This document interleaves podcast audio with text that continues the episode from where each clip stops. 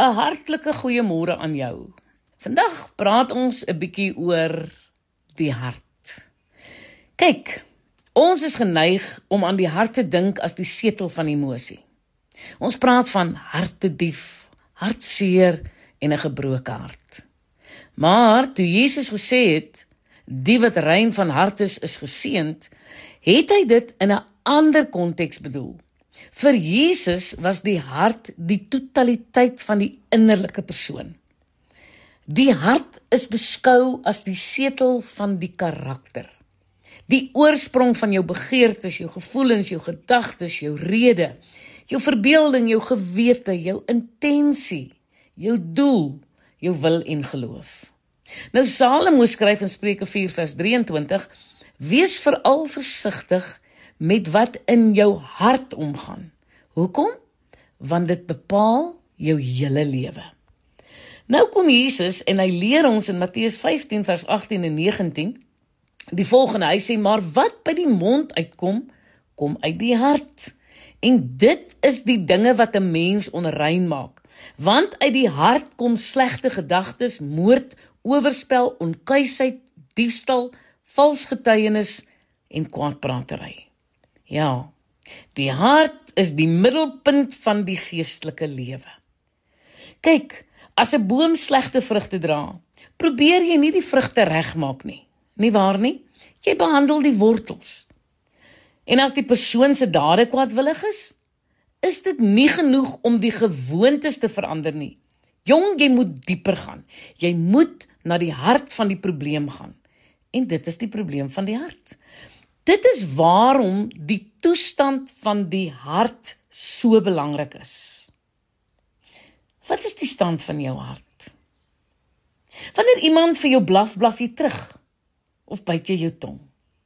Dit hang van die stand van jou hart af. En wanneer jy besig is en jou skedule is staai, verloor jy jou kalmte van gees. Of kan jy dit behou? Dit hang van die toestand van jou hart af. En wanneer jy 'n happy skindernuus wat in laster gemarineer is aangebied word, keer jy dit af of stuur jy dit aan? Dit hang van die toestand van jou hart af. Jy sien die stand van jou hart skryf voor of jy 'n wrok gaan koester of genade gaan wees.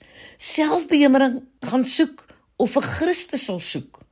Menslike elende sal drink of liewer God se genade wil proe. Jesus se woorde is waar wanneer hy sê: Geseend is die wat rein van hart is, want hulle sal God sien. Let veral op die volgorde van hierdie seëning. Reinig die hart, dan sal jy God sien. Nou ons verander gewoonlik die volgorde. Ons probeer die innerlike verander deur die uiterlike te verander. Die Bybel herinner ons dat reiniging 'n innerlike taak is. God moet ons van die binnekant na buite verander en ons moet gewillig wees tot daardie verandering. Wie sal op die buitekant konsentreer as die probleem aan die binnekant is? Wil jy regtig weet? 'n Huisvrou worstel met depressie. Wat is die oplossing wat 'n welmenende vriendin voorstel? O, koop vir jou 'n nuwe rok. Wat is die gevolg? Sy voel dalk vir 'n dag of twee beter en dan kom die skade weer terug. 'n Man is in 'n buiteegtelike verhouding betrokke wat hom net so skuldig laat voel as wat dit hom plesier verskaf. Wat is die oplossing? O, nee, kom ek sê vir jou, verander jou vriendekring. Wees saam met mense wat jou nie sal laat skuldig voel nie. Wat is die gevolg? Hy het vrede tot die groep weer verdwyn. Dan is die skuldgevoelens terug. Jy sien dit is voorbeelde van die behandeling van die uiterlike terwyl die innerlike geïgnoreer word. Met ander woorde, poleer die verpakking terwyl die inhoud onaangeraak bly. Jong, een ding is seker. Kosmetiese veranderings is net veldiep. Dit is duidelik. 'n Mens se lewe verander slegs as jou hart verander.